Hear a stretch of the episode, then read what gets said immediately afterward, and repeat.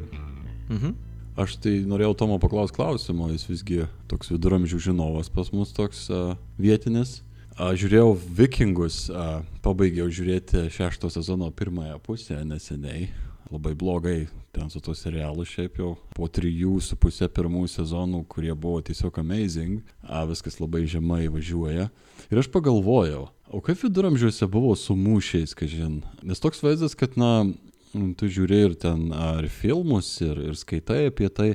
Toks vaizdas visi buvo susitarę, pavyzdžiui, susitikti kažkokiam tai laukia, vienas kitų palaukdavo ir eidavo tada muštis, žinai, čia kaip in the 90s ten šeškinė ir kažkas dar muždavosi susirinkę viename iš laukų. O tai ka, kaip buvo, kažin, viduramžiais, jie irgi tardavosi, kaip jie susisiekdavo, žiūrės, tipo, ei, tai davai mes jūsų laukiam ten, trečią valandą po pietų, atvarykit, ar kaip. Paaišiai sunkių klausimų pradėjo Aivarai, ale iš tikrųjų tai man atrodo tiesiog, žinai, susitardavo, kada turi laisvo laiko, kuris. Pagal buvo tas kaip Google Doodle, sušižymi datas ir kurį vietą gauna daugiausiai tų pliusų žalių, tada ir, ta prasme vieta laikas, tada ir, tada ir eidavo, žinai, mandagiai. Norėjai vis tiek, kad kuo daugiau, inclusive, kuo daugiau dalyvautų. Kad visiems tiktų laikas. Nežinau, man viena didžiausių mislių iki šiol yra senovės mūšių kad, na, kam tada tiktis, kodėl nepult iš pasalų, ar visi tokie garbingi buvo, nežinau. Na čia šiaip, čia, jo, irgi turėjo būti segway į mūsų a, temą šiandienos, bet aš, man tiesiog įdomu buvo. Labai sudėtinga vieta kabinai už tai, kad uh, apie tai galima visą atskirą epizodą padaryti. Sveiki visi, sveiki, ką tik įsijungė ir sveiki su manim čia sėdintys prie stalo mes turim žmogų, kuris nukrito ant žemės, povilą. Sveiki. Žmogų iš aukštos pilies vilių. Labas. Bei žmogų ant ugnies, Aivarą. Labas. Ir aš šio podcast'o kloji žarna Tomas. Istorija mus moko, kad nieko iš jos neišmokstam. Kieno citata? Nodė. Hegelio. Čia Hegelis. Taip, čia buvo Hegelis. Iš tikrųjų, čia buvo internetai, aš nežinau. Tai buvo Hegelis. Tikroji tiesa. Aš manau, Hegelis ne, nesiginčytų, jisai manė, kad jis yra atsakingas už visos istorijos tiekmę, tai žinai. Jo, ir pasaulis jam nėra dėkingas. Apsišykęs numirė. ir man atrodo, kad šita citata labai puikiai įveda mus į problemą, į tai, kodėl aš noriu imtis šitos temos, kurios mes šiandien imsimės. Dėl to, kad man atrodo, kad Lietuvoje istorijoje, kaip ir kiekvienos šalies istorijoje, yra aklų dėmių vietų, temų, kurias mes valingai ignoruot nusprendžiam. Ir man visada šitas buvo labai akivaizdu dėl to, kad aš mokiausi iš ne vieno iš dviejų istorijos vadovėlių augdamas ir būdavo labai keista girdėti, kad vienas žmogus yra tuo pat metu patriotas, didvyris ir išdavikas. Ir norėčiau, kad mes pašnekėtume vieną iš tokių temų, temų, kurios bent jau mokykliniam lygiai, visuomenės tokiam sąmonės lygiai, turi tik tai vieną dimensiją. Yra kaip šakiam ant vandens. Bet galim galbūt tas šakes kažkiek giliau pamerkt ir atsakyti savo į klausimą. Kas buvo kryžiuočiai? Valstybė, kultūrinė bomba ar korporacija? Vorai. Kas vorai? Jo, tie, kur su kryžiuku būnant nugaras. Vaikysi visą laiką. Kryžiuočiai, jo. Jo, jo, ne, nežinai. Iki Lenkijos nedėjo tikriausiai. A, tai, ja. Tai va ir atsakai. Ačiū visiems, kad įsijungėt. Myslė įminta. Malonu. Kryžiuočiai, man lendant į šitą temą vis labiau pasirodydavo, kad kryžiuočiai tai buvo tokias istorijos pirstelėjimas prie altoriaus. Atsitiko tokioj vietoj ir tokiu laiku, kad neįmanoma juos ignoruoti. Ir jie buvo katalizatorius LDK susikūrimui. Nebūtinai vienintelė priežastis, bet be jų, jei ne jie, tai kokią Lietuvą dabar turėtumėm? Ar iš vis ji būtų? Ar tai buvo istorinė anomalija? Ar tipinė to meto organizacija? Trumpas žodis apie mūsų šaltinius šiandien. Keletas knygų iš mano pusės, tai yra William Urban The Teutonic Knight, A Military History. Tas pats autorius beje labai domėjosi mūsų regionu, rekomenduoju taip pat jo didelį ir visai įdomų darbą apie Žalgiro mūšį, bei Lecho Nekrašo knygą Gdzie jesteście Prūsowie arba Kur esate Prūsai. Tai yra istorija iš Prūsų perspektyvos, taip pat nemažai dėmesio skirianti kryžiuočiams. Davido Nicole kryžiuočių ordinas, Mišelio Keraukret Prūsijos istorija, kurį šiaip į Prūsiją žiūro visų pirma iš rytprūsių perspektyvos, kuriai Prūsija prasideda tik tai po kryžiuočių valstybės žlugimo, taip pat labai uh, įdomus, grinai vokiškas požiūris. Straipsniai iš Terra Jatvezenorum knygų serijos iš Punsko krašto ir The History of the Crusades podcast, kur viena britų ponia labai nuobodžių balsų pasakoja labai įdomius dalykus, daug dėmesio skirdama Latvijai ir kalavijuočiam. Nežinau, su kuom jum asocijuojasi kryžiuočiai? Be vorų, taurių, taurių gyvūnų, kurie mus laiko laisvus nuo e, musių. Nieko nenustebinsiu, bet tikriausiai su vokiečiais. Karu, Prūsija, pilim. Jurbarku, iš tikrųjų, nes e, mažai e, žinomas faktas man buvo, kad Jurbarkas yra vokiečių miestas. Europos talibanas. Europa, Europos talibanas. Europos talibanas. Tai. Hmm. Europos tanas. Pirmas klausimas yra iš vis iš kur jie atsirado. Pūvančių kūnų smarvė kabojo virš stovyklų lik rūkas. Dykumos saulė džiovino vabzdžių apspitusius lavonus, sumestus grauviuose su nuolaužom ir šiukšlėm, kas karo apimto Jeruzaliai nieko nestebino. Lygos dešimčiavo vokiečių riterius, ne mažiau nei musulmonų ašmenys. Trečiasis kryžiaus žygis pasuko gilion ir tamsion šiknon nuo to momento, kai šventosios Romos imperatorius Friedrichas Barbarosa paskindo upei lyg neprašytų kaimo katių maišas. Vokiečių situacija buvo tuo labiau nepavydėtina, kad vadovavimą žygiui perėmė Anglijos karalius Richardas Liūtaširdis. Tas nuo Robin Hoodo, kuris nuoširdžiai nemėgo Velionio Friedricho konkrečiai ir jo tautiečių bendrai. Todėl nei hospitalierų, nei tamplierų ordinų ligoninėse vietos vokiečiams nebuvo. Tokiom tai sąlygom 1192 metais Palestinoje, dabartiniam Izraelį, susikūrė kryžiuočių arba švenčiausios mergelės Marijos ligoninės vokiečių ordinas. Organizacijos tikslas slaugyt bei globot vokiečių riterius ir kitus kryžininkus. Kaip karitas su ginklais. Kaip karitas su ginklais, tiksliai. Skaitai mano mintis, Pavlai. Bet kad papasakot apie kryžiuočius, svarbu yra žinot kažkiek tai konteksto apie tų laikų Europą, kokiegi buvo viduramžiai. Ir viduramžiai pas mus dažnai matomi kaip žiaurūs, primityvūs ir atitrūkę nuo viso to, kas gražu ir nuostabu antikoje, ar ne? Nuo koliziejaus, akveduktų, raštingumo, didžiulių finansinių skandalų ir romėniškų orgijų. Taip, tiesiog asocijuosi su daug marų ir daug šūdų, kurie plaukia gatvėm. Turbūt. Nu, kai panevežys 93 metais.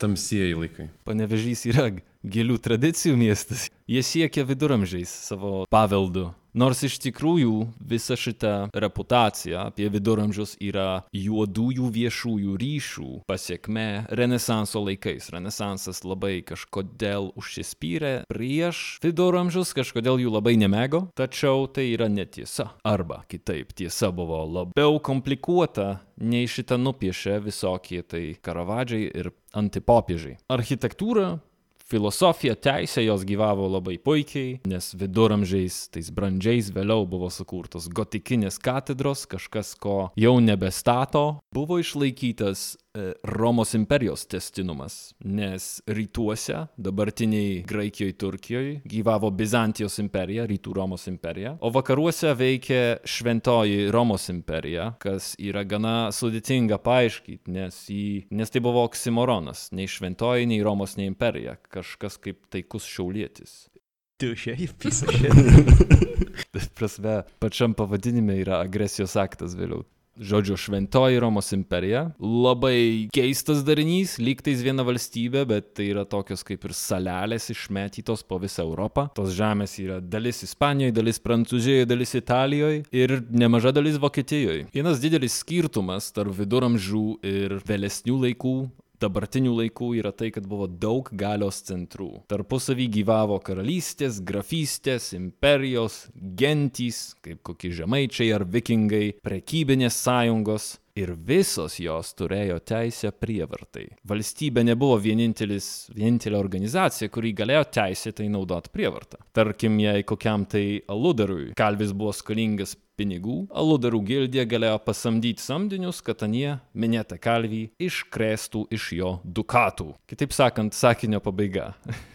Paprastesni laikai šiek tiek. Kitas skirtumas tai buvo feudalizmas. Reiškia, kad e, tai buvo politinė, ekonominė, socialinė sistema, kurioje žemvaldys nuomojo žemę ar turtą karų luomui ir silpnesniem didikam, silpnesniem žemvaldžiam už jų paslaugas. Visuomenė buvo griežtai padalyta į luomus, tarp jų galiojo griežta hierarchija ir nedrįsk iškišti piršto už savo galių e, ribos. Taip pat labai svarbu pabrėžti, kad viduramžiais religija buvo viskas. Ji buvo labai labai svarbi politikoje ir tarptautiniuose santykiuose. Septintam amžiuje atsirado islamas, o Europoje tuo metu krikščionybė uždominavo ir su Karoliu didžiuoju, pavaizduotu ant čirvų karaliaus kortose, Aštuntam amžiui Karolis Didysis suformavo doktriną Krikštas arba mirtis, kurį pradėjo galioti dar ilgus, ilgus metus.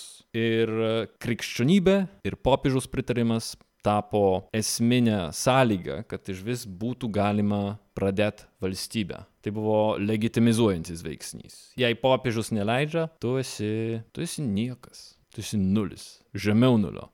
Tu esi taikinys. Tokioj tai sociopolitiniai sruboj susiorganizavo kryžiaus žygiai, kai popiežius Urbonas II pakvietė Europą 1096, tai yra šimtą metų prieš kryžiuočių susiorganizavimą, sukvietė juos iš visos Europos į artimuosius rytus, kad jie, ieškodami turtų, šlovės ir keršto prieš musulmonus, išplėštų iš kruvinų islamo rankų kūdikio Jėzulio tėviškę. Tai buvo visų pirma karas dėl žemės. Ne dėl religijos, o dėl, dėl žemės, ko jie niekad neslėpė. Ir Bizantijos imperijai, kurios pašoniai vyko tie karai, jai tai buvo naudinga, kad susikurt buferinę zoną tarp kitatikių, tarp turkų, o Romai, vakarų imperijai, rūpėjo gauti įtakos Palestinoje. Nu, taip pat svarbus buvo ir tas religinis aspektas, tiesiog atsiimti Jėzaus Kristaus kapą, kryžių, gauti kažkokią tai kūno dalį, kad galėtų statyti statyti pilį. Kai pagalvoju, niekur nedingo šitas dalykas, turint omeny, kad dar šiemet dėl e, ambasados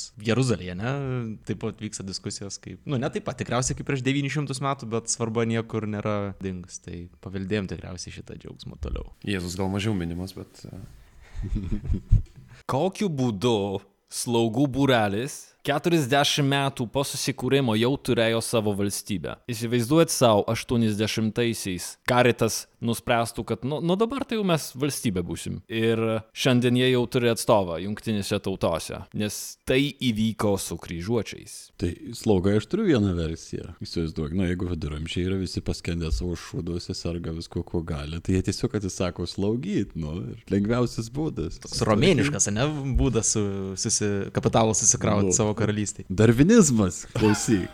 Bet šiaip turėčiau tokį gal klausimą, kai sakai slaugų burelis, o nėra, kad na, vokiečiai, kurie kryžių žygiuose dalyvavo, nu, nebuvo vis dėlto seselės su baltais halatais, o labiau tokie vyriškiai su kardais. Buvo plaukuoti vyrai seselės su kardais.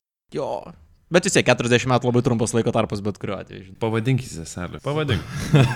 su labai grubiu bendros chirurginės paskirties įrankiu. Iš tikrųjų, kryžiuočiai labiau priminė samdinius. Tai buvo karinis vienetas, kuris buvo ne tik tai su misija tiksle, kurią gavo iš popiežiaus, bet juos galima buvo laisvai nusisamdyti, jeigu tik tai pildė sąlygas. Tai be abejo, tai buvo slaugai, kurie slaugė patys save po to, kai išžudė pusę miesto. Bet ar iš pavadinimo, kad jie buvo slau- slaugai slaugės, ar buvo nors kiek tokios veiklos? Slaugimo. Slaugimas buvo jų į įstatuose, įžaduose. Jie turėdavo, kiekvienas kryžiuotis, stodamas į ordiną, turėdavo pasižadėti vykdyti slaugimo tikslą ar paskirtį, bet tam buvo viena išlyga, jie galėdavo susimokėti arba paskirti kitą žmogų, kad darytų tai už juos. Taip pat jų vienoj iš penkių svarbiausių pareigybių, vienas iš, vadykime, jos ministrų, buvo vyriausias špitolininkas, žmogus, kuris užsiemė būtent slaugimu. Tai, kaip tu tau pasakyti, taip buvo slaugimo tikro krikščionėms, ne pagonims. Aš tai manau, kad čia mes teis- teisingai slaugą suprantam. Jeigu mes slaugą suprantam išpjovimą pačių bjauriausių bedievių šio pasaulio, kurie nesusimokėjo kažkaip, tai čia visai, nu jie savo tikslus visai pildė, man atrodo. Išpjaut vežį iš visuomenės organizmo. Labai vokiškas brožas, ne? Užbaigiant apie viduramžius, taip pat nepamirškim, kad čia yra net tūkstančio metų ilgumo laiko tarpas. Nuo daug maž 6 amžiaus iki 15.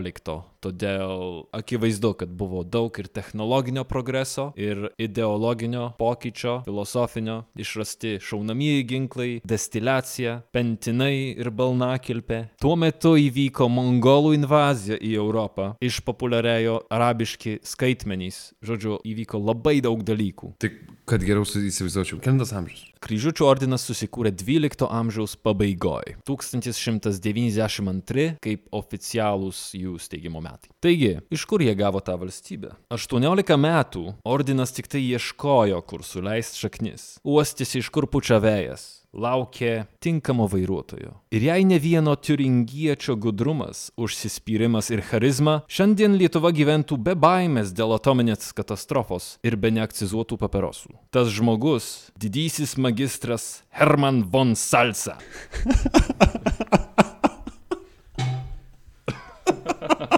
Pasakyk gal dar kartą vardą. Herman von Salsa!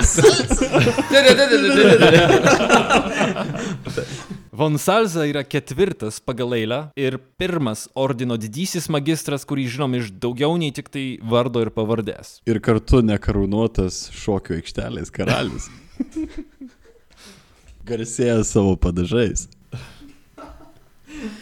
Turėjo plieninius klubus, švelnius kaip aksomas. Von Salza gimė ministerialės luomo arba subaristokratiško luomo šeimoje. Von Salsa, viską pasako. Ne šiaip savo salsa čia. Matyt, senelis laimėjo kažkokį labai svarbų konkursą valstybėje, už ką jis buvo tituluotas. Tris kartus prieš jam gimstant jo ainiai tikriausiai peržengė Rio Grande į Junktinės e, valstijas ir galėjo įsijaukti į tą lom. pastatė padažų imperiją. Luomas, iš kurio jis kilo, buvo savotiškas valstybės tarnautojų luomas. Jie nebuvo aristokratai, bet tarnavo jiems ir turėjo tam tikras koneksijas. Tai tu nori pasakyti, kad jau tuo metu buvo savotiškas biurokratų luomas, apie kurį, na, kalba visokiausi tyrėjai, kad jis atsirado vėliau. Šnekam apie vokiečius, ko tu tikėjai iš jų. Jie bus kodifikavę viską, man keista, kad pas jūs nebuvo šokėjų luomo. Von Salsai būtų reikėję du darbus vesti tuo pačiu metu. Kaip ten bebūtų, von Salsos labai gerai išnaudojo koneksijas ir buvo ištikimi Hohenstaufenų giminiai, imperatoriškai giminiai. Jie buvo tikri Hohenstaufenų lojalistai. Hohenstaufen. Skamba kaip toks nedidelis šuniukas, takso dydžio kažkur su ilgom ausytėm. Ne, man vienam. Bet tas šuniukas pasikandžiodavo su pačiu popiežiu. Friedrichas Barbarosa buvo iš Hohenstaufenų giminė. Ir von Salsa buvo asmeniškas draugas imperatoriui. Ant kiek geras? Ant tiek, kad išprašė pas popiežių, kad tas nuimtų ekskomuniką nuo imperatoriaus. Paklausė manęs, gana, gana rimtas pasiekimas. Aš neturiu tokių draugų, kurie galėtų nuimti nuo manęs ekskomuniką. Mes daug dalykų nuo tavęs galėtume nuimtom. Prieš tai juos patys uždėjo. Ar gali nuimti popiežiaus pyktį? Žinai, kas man atsitiktų Lenkijoje, jeigu mane ekskomunikuotų popiežius? Neberašytų tas kunigų žurnalas apie tave. Man atrodo, kaip tik parašytų tas kunigų žurnalas. Plakatai visoje valstybėje su mano veidu. Kaip rašė istorikas Viljamas Urbanas. Imperijos statymu Hermanas von Salsa prilyksta Henry Fordui ar Johnui Rockefelleriui. Jis matė galimybės ten, kur kiti matė tik problemas. Žinojo, kaip išnaudoti esamą sistemą, kuriant naujo tipo imperiją. Pasitelkė kitų žmonių sugebėjimus ir kapitalą ir siekė tikslų, apie kuriuos kiti net nesvajojo. Kitaip sakant, kas būtų, jei Jonas Snow ir Dalia Grybauskaitė turėtų sūnų? Gautume Hermaną von Salsa. Kaip tu, kaip tu prie to prieėjai, Aivarai? Tiksliai tai, apie ką galvojau. Auksinė proga von Salsai pasitaikė 1226, net jeigu jis to dar nežinojo. Bažnyčios ir viso krikščioniško pasaulio žvilgsniui pamaži krypstant link rytų Europos.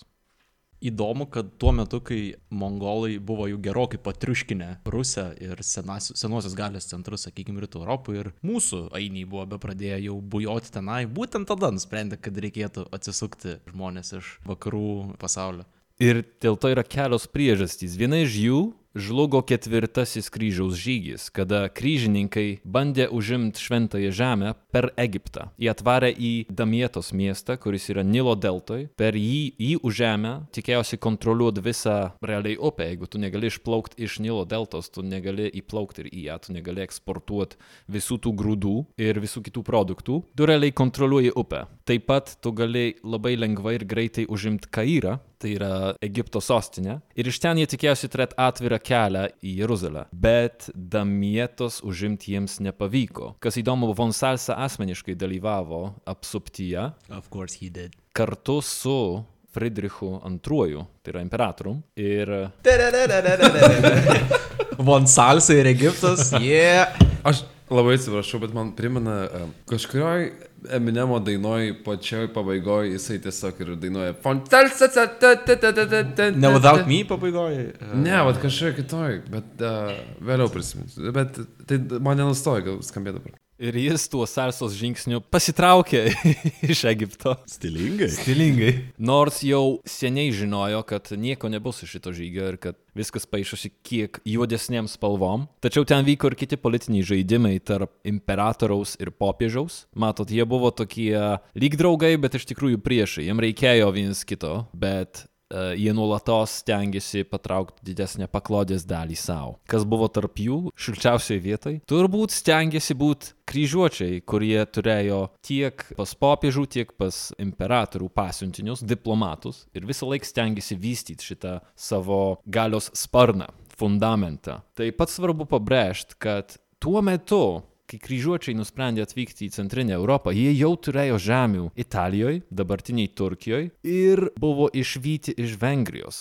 kur karalius Bela pakvietė juos, kad kryžiuočiai padėtų ginti vengrus nuo klajoklių tautos, kipčiakų, kumanų ar dar vadinamų pečenegų. Nesu tikras, ar čia yra vieni ir tie patys žmonės, ar jų paklausus jie sakytų, kad ne, ne, ne, mes, mes ne rusai. Bet, e, bet tai buvo iš esmės pagonys, nuo kurių negalėjo apsiginti vengrai. Tai klausykite, vengrai jau nuo pačių seniausių laikų turėjo problemų su imigrantais. Akivaizdžiai. Nes čia šitas viskas vyksta dar prieš mongolus, kurių vengrai irgi paragavo iš tos ne pačios skaniausios dalies, bet Vengrijos karalius, turėdamas gal daugiau proto ir politinio senso, išvėjo kryžiuočius, kai pamatė, kad kryžiuočiai statosi ne visai legalias pilis pagal sutartį. Jiem leido statyti tik tai įtvirtinimus žemę ir medžiu, o tie pradėjo kraut. Ką? Akmenis. Taigi tai labai nepatiko aristokratam ir pačiam e, Vengrijos karaliui, nes suprato, kad kryžiuočiai jie nesiruošia iš, iš čia eiti, jie čia net vyko apginti ir, ir išsineždyti, o jie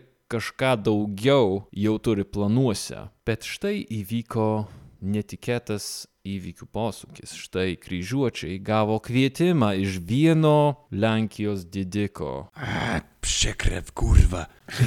kad padėtų apginti juos nuo pagonių. Ir šį kartą von Salsa turėjo daugiau, e, daugiau proto. Turėdamas, jau žinodamas, ko gali tikėtis po Vengrijos fiasko, jis užsitikrino tiek popiežiaus, tiek Šventojo Romos imperatoriaus palaikymą. Ir išsiuntė nedaugiau, nemažiau, o septynis riterius į naują kryžiaus žygį centriniai rytų Europai. Septynis vienetus turiu menį.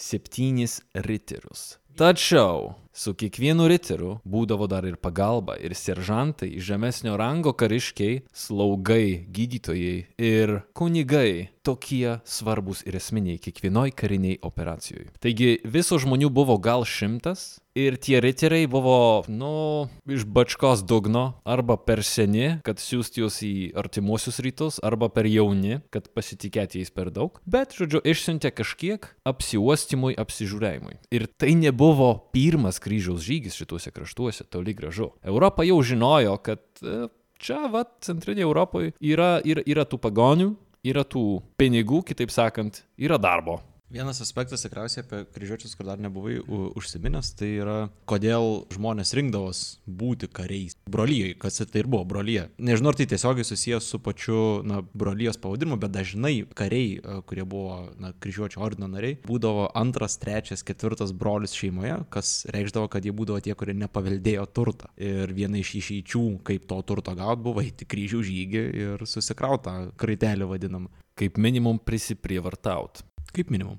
Skirtumas tarp kryžiuočių ir, tarkim, hospitalierų ar tamplierų buvo tas, kad vokiečiai priminėjo pas save tik tai vokiečius ir broliais dažniausiai galėdavo tapti tik tai aristokratai. Pradžioj tik aristokratai, vėliau jie šiek tiek liberalizavo šitą, bet čia yra tas dalykas, kuris labai primena tą pačią sieną iš sostų žaidimo. Taigi, Jonas Snow, Jonas Snow, pasikartoti. Įdomu, kiek e, šitoje vietoje, kai kalbėjo apie, tarkim, e, kryžiuočius ir e, patį polikį leisti aristokratų atžalas tapti kariais, ne? Ir kaip tai galiausiai davė iki Prūsijos, ne Prūsijos, Baltų Prūsijos, bet Prūsijos kaip vokiečių žemių, kur militarizmas buvo kaip ir na, socialinio mobilumo įrankis, kas realiai buvo pasėta prieš 800 metų prieš tampant valstybę šitoje vietoje. Bet aš turiu klausimą nesusijusį su vokiečiai šitoje vietoje. Kas buvo tas iš jūs Lenkas pasikvietęs? A, tuoj sužinosim.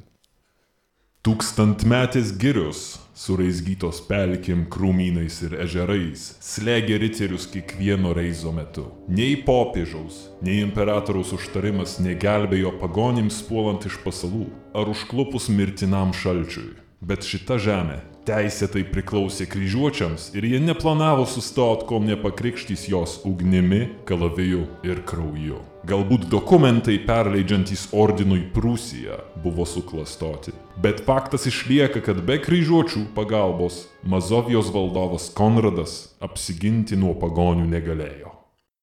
Konradas Mazovietis savimi puikiai rodo, kaip forma dažnai perauga turinį. Manęs esas politikos eralis istorijos puslapiuose užsirašė kaip svetimais skyščiais sušlapytas provincijų gaidelis. Istoriko Zbigniew Satała žodžiais. Konradas buvo ambicingas, perdėjom apsukrus ir niekšiškas. Jis nedvėjojo prievartaut, nusikalst ar išduot, jei tai tik priartindavo jį link užsibrėžto tikslo. Bemaž visą gyvenimą jis užsiminėjo intrigomis, kovojo prieš artimuosius, žudė, degino ir naikino. Ir jis buvo berots antras ar, ar jauniausias Lenkijos karaliaus sūnus, tačiau Lenkija tuo metu buvo susmulkinta, kadangi jie neišrado, o gal nepripažino vadinamo primogenitūros principo, kai tu atiduodi visą žemę ar valdas vyriausiam palikoniui, karalius tiesiog išdalindavo per savo vaikus, savo valdas. Tokiu būdu per dvi, tris kartas valstybė susiskaldė ir Mazovijos, būtent mažesnės nei visa Lenkija teritorijos valdovų buvo Konradas. Jo brolis buvo teisėtas sosto paveldėtojas. Tačiau jis savo gyvenimą, visą gyvenimą stengiasi pasiekti tą kapo di tutti capi titulą. Konradas Mazovietis vertas atskiro epizodo, gal netgi filmo. Tai buvo jaunesnysis Kazimiero Teisingojo sūnus, profesionalus avantūristas, kaltininkas, kodėl Lietuva gyvena šalia balistinės raketas turinčios labiausiai militarizuotos teritorijos Europoje. Jo žymesni pasiekimai - išdegino akis ir nužudė vaivadą Kristiną. Tai buvo jo sėkmingiausias generolas, kuris sukūrė efektyvę strategiją prieš prūsus. Jis taip pat pagrobė savo pagrindinio politinio oponento vaivadą, tokį Henrik Brodatį, Henriką Barzdočių. Taip pat e, pagrobė ir įkalino savo brolienę ir jos vaikus. Sudarinėjo sąjungas ir karinės ekspedicijas su rusėnais prieš kitą Lenką, Henrik Laskonogį arba Henriką Lasdakojį. Kodėl jisai turėjo, tipo, du strampus vietoj kojų, piratas. Pirato eisena. Labai džiugu šiaip, kad, žinai, lasdakojis, o ne lasdarankis.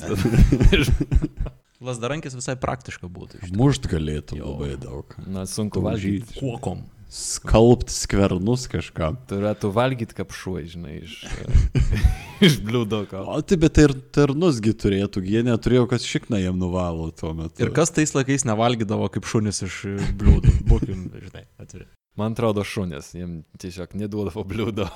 Ir nors pasakiau, kad kryžiaus žygis prasidėjo 1226, iš tikrųjų jis prasidėjo du metus vėliau. Bet dokumentas, kuris įrodė kabutėse, kad Prūsija yra perduota kryžiuočiams, beje, jis iš tikrųjų istorikai linksta manyti, kad kryžiuočiai suklastojo tiesiog. Vadikim tai, tu iš, išnuomoji kažkam namą ir tas nuomininkas pristato tau dokumentą, kad jis nusipirko. Daugmaž tokia buvo situacija su kryžiuočiais. Tai buvo ne pirmas, bet lemtingas Baltijos kryžiaus žygių istorijos skyrius - prūsų genocidas. Iki kryžiuočių atvykimo žemės tarp dabartinio Gdańsko ir Talino buvo krikščionybei gerai žinomos. Nagus prie šito saldaus pyrago buvo prikišę kalavijuočiai, danai, rusenai, o prekyba su Novgorodu net tieškėjo. Kitaip sakant, čia nebuvo kažkokia gūdi, niekam nežinoma vieta. Tie žmonės, jie keliavo, jie prekiavo, e, sakau, tie žmonės, e, prūsai, jotvingiai, lietuviai, latviai,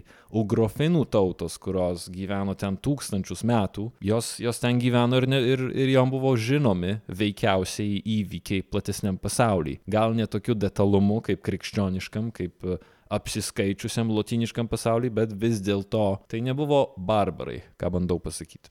Kasgi buvo tie prūsai? Ačiū, kad paklausiau. Prūsai buvo atskira nuo lietuvių, bet jiems gimininga baltų tauta, gyvenusi dabartiniai karaliaučiaus srities teritorijoje, netgi didesniai, bent nuo 6 amžiaus prieš Kristų. Palyginimui, pirmi šaltiniai apie slavus kaip e, etninė grupė yra iš 6 amžiaus po Kristaus, daugiau nei tūkstantį metų vėliau, gal net seniau. Taigi, iki atvykstant kryžiuočiams prūsai gyveno savo ramiai jau pusantro tūkstančio metų, netgi daugiau. Ir jie gyveno tokioj puikioj ir patogioj vietoj, kad netgi ketvirtam amžiui Europoje vykstant didžiajam tautų kraustimuisi, kur buvo suirutė ir visi, kas galėjo, tas stumdėsi alkūnėm ir ieškojo savo naujos vietos, tarp kitko visi baltai judėjo labiau iš dabartinės Ukrainos šiauriau vakariau, ar ne, tarp visos ir nemono. Prūsai niekur nejudėjo. Jie buvo tokioj geroj vietoj, kad jiem nebuvo kur ko ieškoti geriau. Manoma, kad niekas jų niekur neišstumė ir tai buvo tiesiog per daug sudėtinga. Tai buvo tauta, kuri mano manimu viršijo savo, savo sudėtingumu, sofistikuotumu, civilicaciniu lygiu lietuvius tuo metu. Cituojant 12 amžiaus danų kronikininką Helmoldą. Ik šiai dienai, kai atsiranda tarp jų kas svetimas, jam leidžiama gyventi savo tarpe, draudžiant tik tai prieimo į miškus ir šaltinius. Kitaip sakant, jie nepjauna visų, kas tik papuola nekirantį kaip kokie, pf, atsiprašant, kuršiai, bet leidžia jiem apsigyventi tarpusavį. Jo, tvarkoj, atvykit, statykit gerbuvį kartu. Savo laiku prūsai netgi prekiavo su Romos imperija, o Baltijos jūroje su praktiškai visais, kas tik norėjo. Cituojant Vespazianą, pekunija non olet. Pinigai nesmirda. Jie pasižymėjo sudėtingom pušmenom, turėjo išvystytą dvasinį gyvenimą ir mokėjo pasigamyti šaldytuvus. Literaliai. Snaigė, Indezit. Siemens. Prūsa. Mūsų patronas šaltau gamintojams.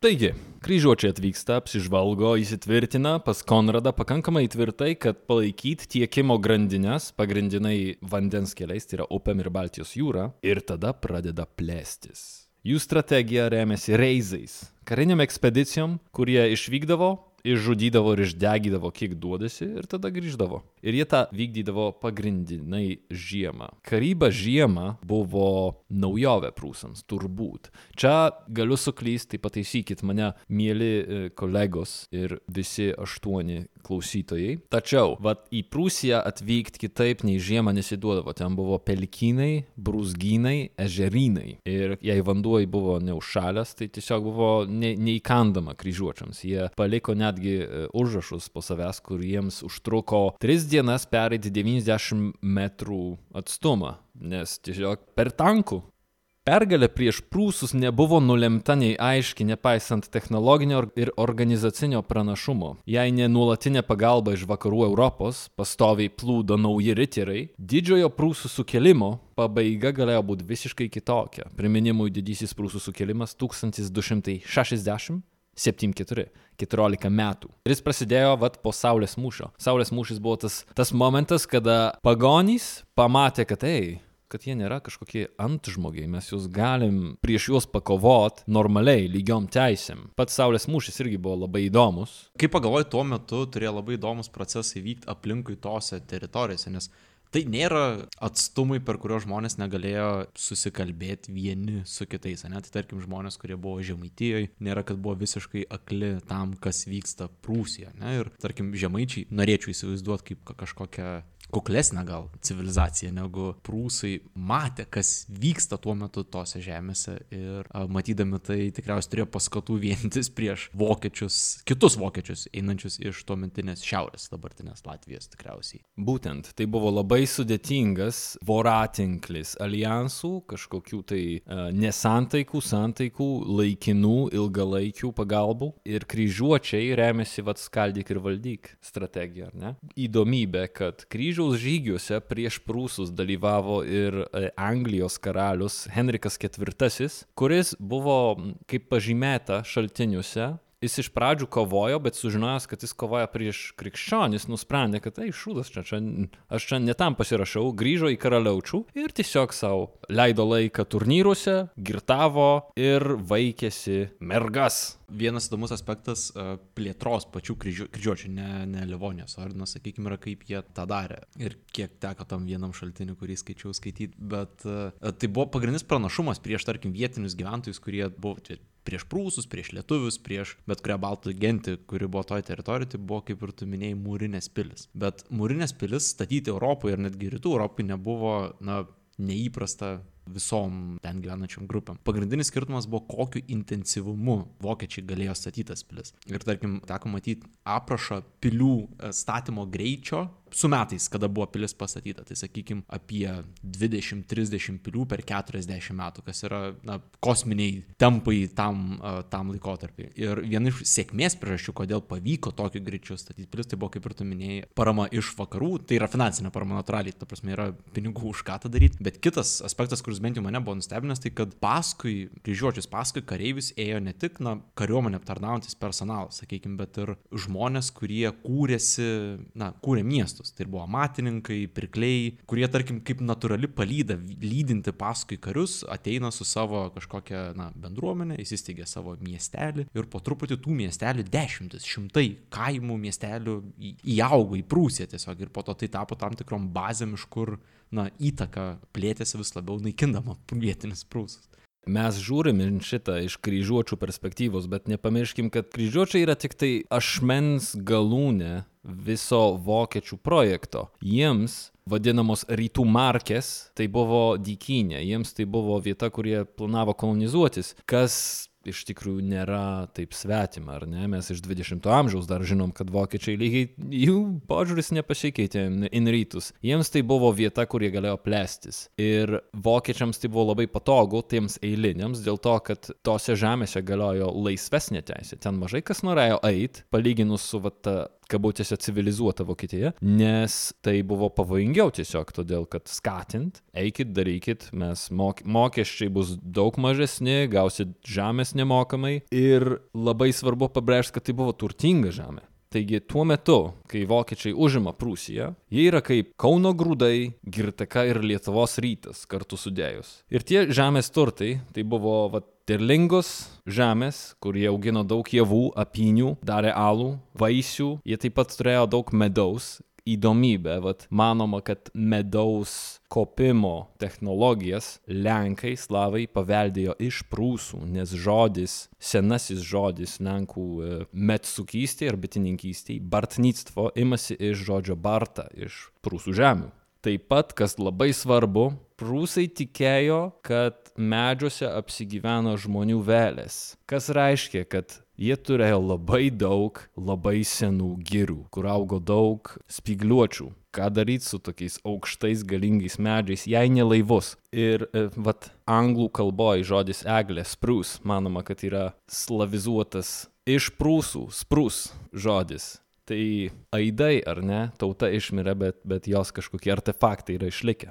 Iš to, ką sakai, e, pri, e, skamba taip, nelyg prūsai būtų tokia baltų Atlantida. Kažkada buvus didinga civilizacija, turėjus visko labai daug. Kaip pagalvoji, jeigu e, tai, ką tu sakai, yra tiesa, kad prūsai gyveno nuo 6 amžiaus prieš Kristų iki...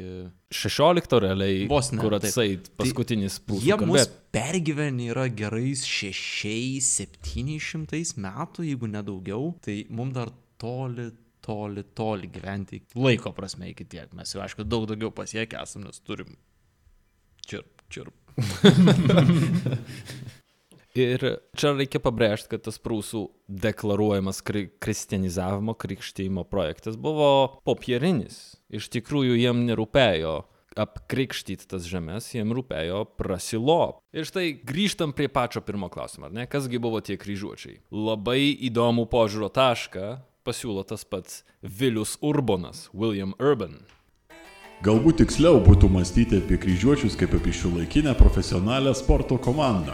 Pasišventimas fiziniam pasiruošimui, atsidavimas tikrajam pašaukimui, pasididžiavimas pasiekimais, žemiškas humoro jausmas, ekscesyvus pergalių šventimas - visa tai juos skyrė nuo eilinių žmonių tiek pat, kiek ir laiko tiekmė. Apie humoro jausmą kryžiuočių. Viena pirmų pilių, kurias jie pastatė Torinės mieste, noriu pasakyti, arba vokiškai Torn, pavadino Vogelsang, paukščio giesme, nes ten sukūrė ligoninę, kur slaugė jau tokius beviltiškus, beviltiškai sužeistus žmonės. Juodas humoras, bet, nu, negali pasakyti, kad vokiečiai nemoka pasijuokti. Kryžiuočių valstybė ji intensyviai prekiavo su visa Europa, nes ėjo ranka į ranką su didžiausia to meto prekybinė organizacija Baltijos jūroje - Hanza. 1398, čia yra 12 metų prieš Žalgiro mūšį, kryžiuočiai netgi įvykdė garsų žygį prieš piratus Gotlando saloj, o Gotlando sala įleidžia kontroliuoti be maž visą prekybą Baltijos jūroje. Į tą žygį kryžiuočiai išsiuntė net 84 laivus ir 4000 karių. Ir iš jų 50 buvo kryžiuočiai. Pačiu pačiu aukščiausiu savo galingumo periodu buvo kryžiuočių nedaugiau nei 800 iš viso brolių kryžiuočių. Tai 50 jau yra tais laikais gana didelis skaičius. Ir jie užėmė Gotlando salą ir spėkit ar atidavė e, gražiuoju. Tačiau vienas didžiausių ordino valstybės pranašumų - struktūra ir administracija - atnešė su savimi ir nuosmukį. Išsigimimas, rodos, buvo įrašytas į organizacijos DNR. Sparti ir efektyvi ordino Kriegsmaschine paspringo pagoniškais kaulais. Lietuviams apsikrikštijus ir susivienijus į valstybę, vokiečių Drangnach Osten ekspansija į rytus sulėtėjo dėl to, kad jų strategija remiasi nesantaikomis tarp genčių, dinastijų bei tarp lietuvių ir lenkų. Pagal Mišelį Kerautret Anksčiau buvusi ypatinga, dabar kryžiuočių valstybės tvarka atrodė anachroniška, todėl naujieji elito sluoksniai paskubino jos saulėlydį. Tai ir galėtum sakyti, kad kryžiuočiai iš dalies įvedė kažkiek susitelkimo, įvedė daug žiaurumo ir įvedė daug praradimo teritorijom, į kurias jie atėjo, bet galų gale viskas baigėsi tuo, kad įvedė ir kažkokio vientisumo ir susitarimo tarp tų teritorijų. Kryžiuočiai, mano manimu, buvo vienas iš katalizatorių, kodėl iš vis susikūrė Lietuvos valstybė. Atsirado bendras priešas, atsirado poreikis vienytis. Prūsam nepaėjo, lietuviam nebuvo kur dėtis, arba, arba vienijamės, arba žlungam. E, Tam tikrą prasme tikriausiai taip, bet man atrodo, kad kartais, kalbant taip, kad e, kryžiuočiai tapo katalizatorium formuotis Lietuvos valstybė, mes šiek tiek nurašom, kad pastangos formuotis tai valstybė buvo iš čia irgi lygiai taip pat nemažas. Katalizatorius, tai dėl to ir pavadinta katalizatorius. Sakydamas supratau, kad galvoju taip pat iš tikrųjų. Ordino valstybei reikėjo karavimo ir nulatinės plėtros, kad patenkinti ritierų luomo, tai yra valdančiosios klasės, poreikį krautis turtus ir pritraukti naujus rekrūtus. Plėtra prieš jau nebe laisvą pagonių federaciją, o tų laikų standartus išlaikančias Lenkijos ir Lietuvos valstybės buvo žymiai sudėtingesnė. Fronto nebelaikė ir Hanza, kurios įtaką mažino Danų ir Švedų prekybininkai. O šalies viduje kilo vis didesnis nepasitenkinimas iš praturtėjusio miestiečių luomo, kad riteriai nesilaiko krikščioniškų įžadų ir piktnaudžiauja savo poziciją. Tuo tarpu riteriai buvo nepatenkinti, kad Lenkų bajorai turi daugiau teisų nei jie. Galiausiai taip pat mada kryžiaus žygiams Europoje pamaži bleso. Įsivaizduojat žmonės, kurie prisijungia prie kryžiuočių kažkokiu vėlesniu etapu, nes jau išgirdo, kaip tai yra visai įdomi veikla. Ir staiga tu prisijungi ir aš tiesiog įsivaizduoju tuos žmonės, kurie jau pačioj vos nepabaigoje prisijungia, kur man sakė, čia bus daug smagiau. Late to the game. Taip. Ir toks krūzas. O, tu jaunikį piemburni, kažkada tai buvo reizai, ne tai kas dabar. Serė būtum prieš penkis metus atvaręs. Kalbant apie tos pačius reisus, ne? viena iš jų nesėkmės priežasčių, kaip ir minėjai, buvo netikėtas kryžiuočiam lietuvių susitelkimas prieš juos.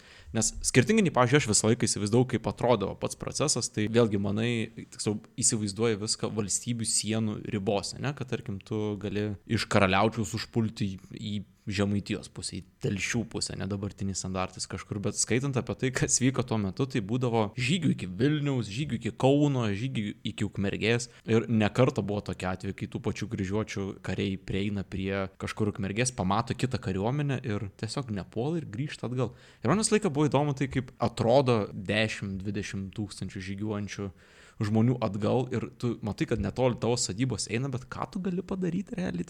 Per čia neikit, jūs, ten geresnis kelias, va už, už kaimyno, va ten patogu. Kai klausai, kas jūs, ai kryžiuočiai, tai žinokit, vat toj gatvėje apie jūs tiek šūdą šnekėjo. Tikrai, tikrai nėra pasalos už to miško. Nepaisant to, ką Lenkai praminė Gdainsko skirdinėmis, kryžiuočiai savanoriškai miesto atiduoti nesiruošia. Situacijos nepalengvino ir sąjungininkas Čekijos karalius Vaclavas IV Liuksemburgietis, susikaupęs ant vidaus politikos. Ir tada įvyko juodas scenarius ordinui - egzistencinė grėsmė. Gediminaičiai apėmė valdžion Lietuvą ir Lenkiją. Kryžiuočiai tapo apsupti. Tai reiškia tik vieną - karą. Šok iš kėdų. Pasakyk, tikras šaulėtis. Padužy per kišenės vokietis. Kryžiuočių valstybės saulėlydis nušvito itin ryškiom spalvom 1410 metais. Jungtiniai kariuomeniai nugalėjus Žalgiryje ir netyčia atradus tobulą formulę šnapso gamybai. Kilogramas cukraus, 4 litrai vandens, 10 dkg mylių. Sponsored by Stumbras. Rašykis. Paskutinę vinį kryžiuočių teokratijos karstui sudavė reformacija. Protestantizmas ne tik iš tikrųjų apkrikštijo prūsus, bet ir privertė kryžiuočius rinktis - lojalumas popiežiui ar lojalumas karštai ir negiliai kvepuojančią kariuomenę čia pat turinčiam Lenkijos karaliui. Taigi didysis magistras Albrechtas Brandenburgietis sekularizavo, reiškia padarė valstybę pasaulietinę, o ne bažnytinę, Prūsiją ir 1525 metais Krokovoj prisiekė lojalumą Lenkijos karaliui Žygimantui Senajam, tapdamas jo vasalu. Nuo to momento kalbama jau ne apie kryžiuočių, bet apie Prūsijos arba Rytprūsių valstybę.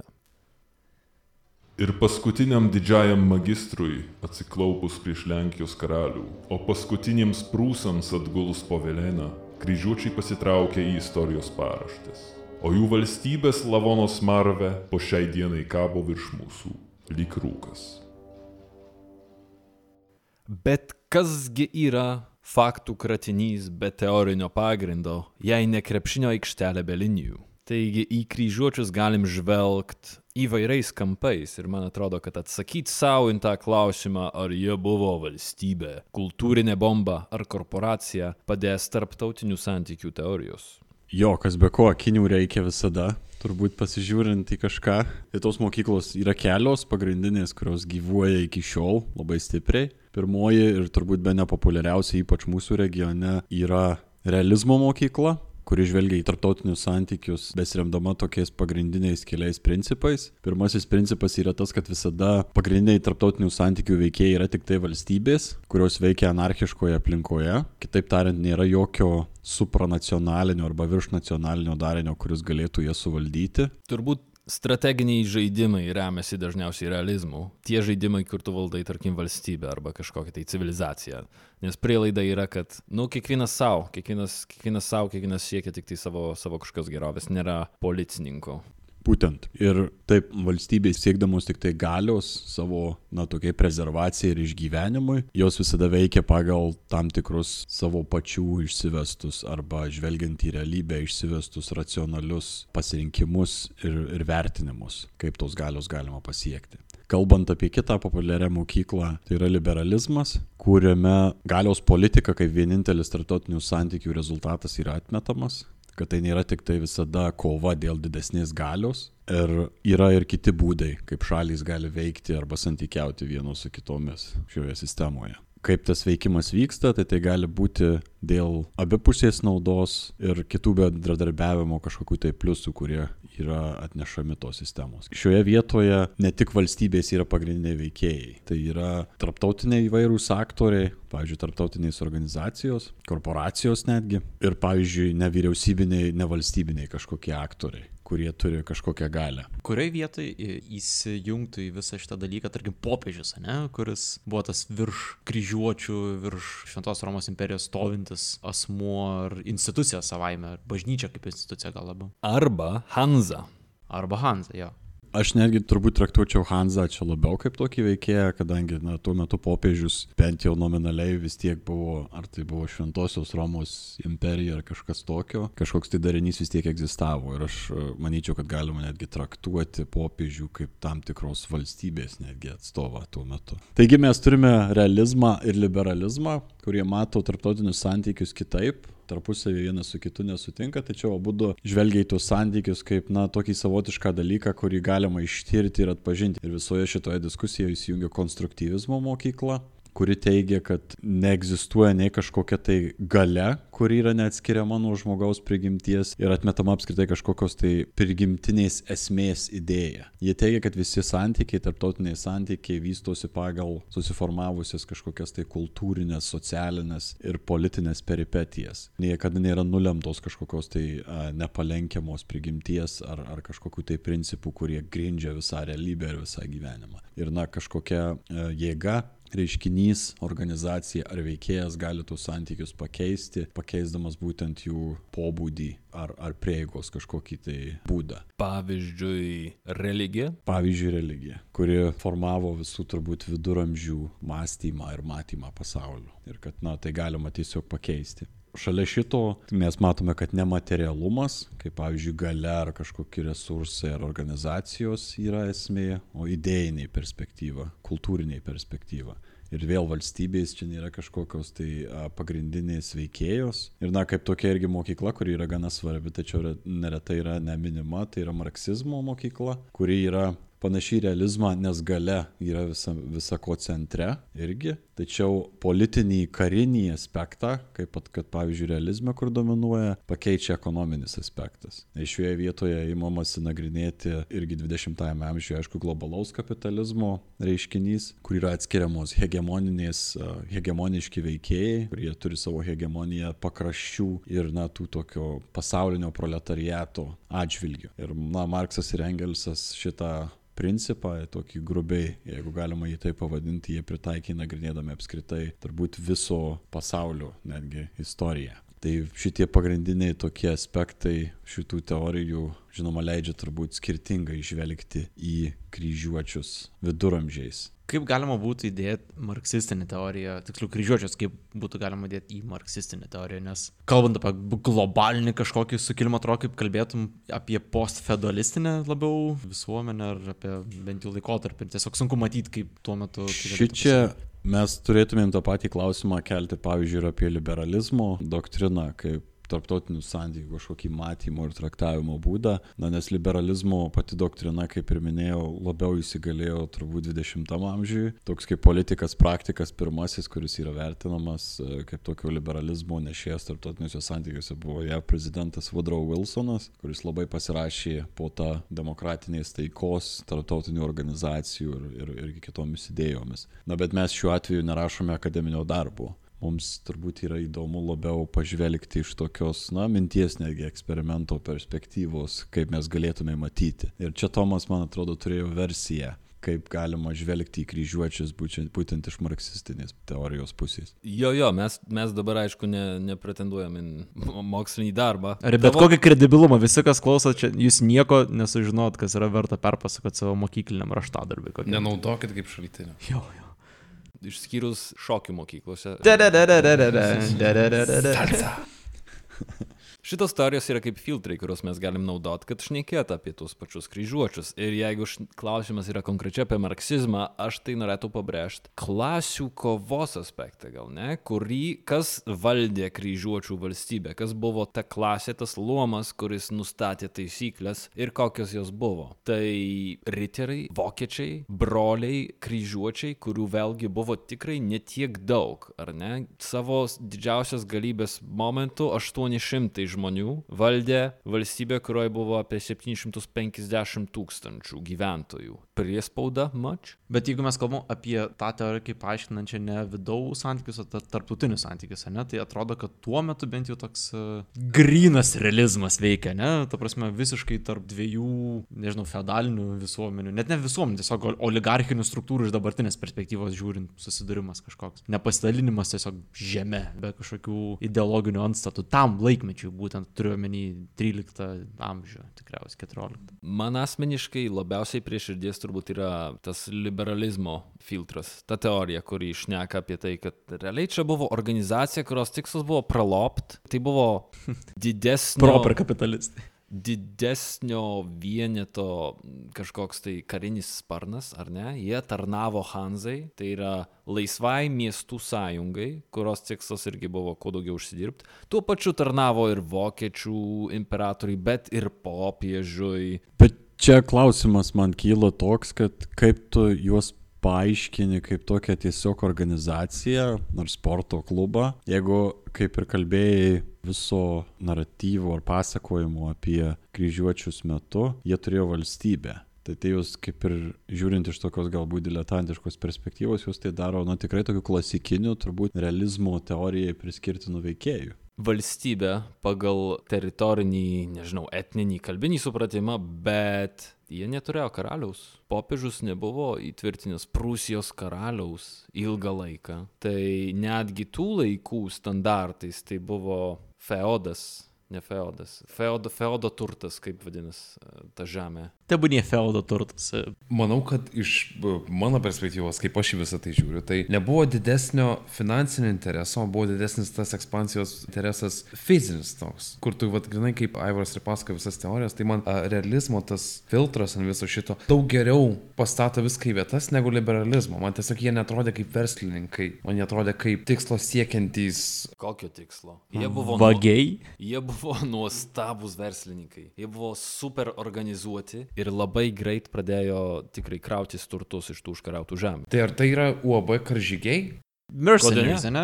Jo, samdiniai. Samdiniai, jo. Bet man tai e, atro, kartais atrodo, kai kalbam apie praeitus lai- laikmečius, mes pamirštam tokią labai natūralią žmogišką egzistenciją galimybę, kaip plėšti kitą tuščią žemę, e, nes esam iš anksto susikūrę nuostatas, kad turėtume galvoti apie užpuolimą egzistuojančių valstybės kažkokių struktūrų, ne, ne neini kolonizuoti į tuščią žemę, kolonizatoriaus galvoje, ne, eini į tuščią žemę, to žmogaus, kuris ten gyvena, supratimu tikriausiai taip nėra. Bet dėl to ir atrodo, kad kalba neina apie kažkokį verslą, verslą, ne? O nežinau, ar užgrobimas yra kaip atskira teorija. Kai kalbi ne apie kitos valstybės užgrobimą, bet apie kito miško užgrobimą, kuris nebūtinai yra tavo, bet... E. Nežinau, o kokį turi ten tą veiklos kodą užgrobimas teisiniai sistemai. Nepamirškim, kad kryžiuočių valstybė, jeigu jūs vadinam valstybę, ar teritorija, tai nebuvo tik tai Prūsija. Jie turėjo žemės ir Sicilijoje, tuo metu ilgą laiką, turėjo žemės ir e, Kilikijos Armenijoje, dabartiniai Turkijoje, turėjo ilgą laiką ir artimuose rytuose žemės, tai tokia ten ir šalis, tokia ten ir ekspansija, jie ieškojo galimybių, kur tik davėsi, o iki turbūt, noriu sakyti, 13 amžiaus pusės vyko labai arši vidinė kova kryžiuočių ordino gretose, kur turėti tą galios centrą, ar tai bus artimiai rytai, Italijos žemės, ar vis dėlto rytų Europą. Tai irgi Kalbant apskritai apie šitas teorijas tarptautinių santykių, mes negalim sakyti, kad jos yra tinkamos konkrečiai pilnai apibūdinti na, viduramžių visą geopolitinę ar politinę Būtent. situaciją, nes šiuo atveju, kai mes kalbam apie tas tarptautinių santykių teorijas, klasikinės jos vis tiek didelė dalimi koncentruojasi, na, ties turbūt naujesniais šiek tiek laikais. Kadangi jei mes kalbame apie viduramžius, mes neturėjome apskritai turbūt konkrečiai tokių darinių kaip moderni valstybė arba į modernę panašios valstybės. Tai šiuo atveju, pats kryžiuočių atvejis, aš manau, jisai gal net nebūtų galima jį ir traktuoti grinai kaip kažkokį tai realistinį atvejį. Tai galbūt iš tiesų buvo tokia korporacija ar, ar kompanija, kuri tiesiog prasėjo pro tam tikrą regioną vienu metu ir padarė įtaką labai skirtingomis dimensijomis. Kai sakai, kad kryžiuočiai padarė įtaką ir šitam regione būtent, tai jeigu neklystų, dabartinė Lietuvos ir Kaliningrado srities arba Rusijos siena yra seniausia nepakitusi siena rytų Europai, nes ji paskutinį kartą keitės, jeigu neklystų, gerokai dar prieš, gal netgi prieš ATR, Nemuno siena, dar siena, kur eina per Nemuną tarp Lietuvos ir dabartinės Rusijos yra rytų Europos terminais yra tas pats, kas siena tarp Portugalijos ir Ispanijos, kur yra vakarų Europos, man rodos, ilgiausia nesikeitų siena. Ir kodėl ji tokia yra, yra dėl kryžiuočių polikio, kurį minėjau prieš tai, statyti pakin pilis. Nepaisant to, kad jie kaip valstybė neišliko, tas faktas, kad Nemunas šiuo metu yra siena tarp Lietuvos ir Rusijos yra tiesioginis kryžiuočių pastatytų pilių palikonis. Tu prasme, būtent tai nustatė, kad gyvensim tokiam režime, kuriam gyvenam dabar. ir visa tai, kad turėt vietą, kur jie galėtų nevaržomai vystyti savo šokį. Čia visiškai į trivijos tikriausiai kategoriją pateks, bet negaliu nepaminėti šito dalyko, nes perskaičiu ir man buvo labai labai kinga. Tai nesusijęs su kryžiuočiais, bet susijęs su Livonijos ordinu. Neatsimenu tiksliai pilies, apie kurią eina kalba, bet tai buvo pilis, na, dabartiniai Latvijos teritorijai kažkur. Pilis, kurią pastatė vieni iš pirmųjų vokiečių atsikėlusių į Žiemgalių teritorijas. Ta pilį vokiečiai pastatė iš akmens. Tuo prasme, kaip ir buvo priimta vokiečiam tuo metu statyti. Bet vokiečiai atėjo ir pastatė tą pilį per pakankamai trumpą laiką, kuris tuo metu buvo vienas greičiausių regione. Jie greičiausiai statydavo pilis. Žiemgaliai, kurie gyveno toje žemėje, nesuprato iki galo, kas yra akmeninė pilis. Ir yra Vatikano archyvose likę įrašai, kaip apibūdina žiemgalių reakciją į e, mūrinę pilį savo teritoriją. Kadangi pilis buvo netoli jūros, jie atėjo daug didesnė žmonių persvara palyginus su pilies gyventojais. Sugebėjo išvyti pilies gyventojus lauk, išgazinti savo masę. Apvijo pilį virviam ir bandė ją nutemti jūrą, nes jie nežinojo, kas yra mūras dar tuo metu. Tai yra tas pats momentas, kada kūrėsi. Tas pats momentas, kai prūsai buvo 800, daugiau, beveik 1000 metų praprekiavę su visų pasauliu. Ir tarp žiemgalių ir prūsų vienintelis tarpas buvo žemaičiai. Smagu, kad šitai yra užrašyta. Aišku, žinoma, tai yra užrašyta ne iš e, žiemgalių pusės, iš vokiečių pusės, bet Tai ko mes turėjom daryti? O gali būti, kad jie tiesiog norėjo padaryti, žinai, tokią vietą, kur mašinos nepravažiuoja. Kad pririšo vieną jo, galą, prie jo, ieško tiesiog- kito galo, kad... Ir pirmasis molas atsirado Lietuvoje. Pirmasis kas? Molas. Jo, pirmasis molas atsirado nutempus mūrinę pilį jūrą. Bet ar galim sutikti, kad mes tikrai sėdim keturiese ir keturios mokyklos ir aš, pavyzdžiui, nesutinku su jum iki galo. Aš nesutinku su liberalizmo mokykla taikoma. Ar galim sutikti, nesutikti? Ne.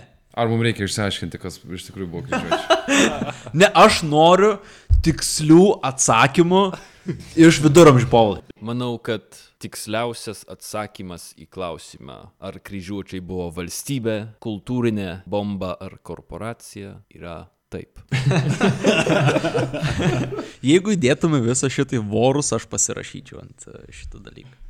Ir jei jums dar mažai kraujo, ugnies, brutalizacijos ir žiaurių įvykių, įsijunkit kitą epizodą, kur pasakosim ne apie ką kitą, o apie Ateiviu! Ne, iš tikrųjų neteivius. NSO. Pasakosim apie NSO. Labai du skirtingi dalykai. O nėra, kad mes jau pasakom apie NSO.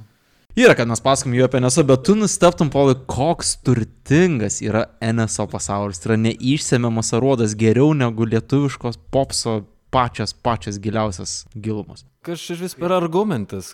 Nuo kada gali būti per daug NSO? Kaip žmogus, kuris pirmame epizode pasakė, kad netikė NSO, tai man sakė, bus dar įdomiau. Aš tau priminsiu, kad tu sakei, kad tave konvertinom atgal tą pusę. Tavo vienintelis pasakymas, tai gal tai ateivių visgi nėra, buvo pakankamai sarkastiškas, Paulai. Mes turim that on record. Tai Būtent jisai sakė, kad jis netikė ateiviais. ar tu klausai, ką mes šnekėjom pirmą?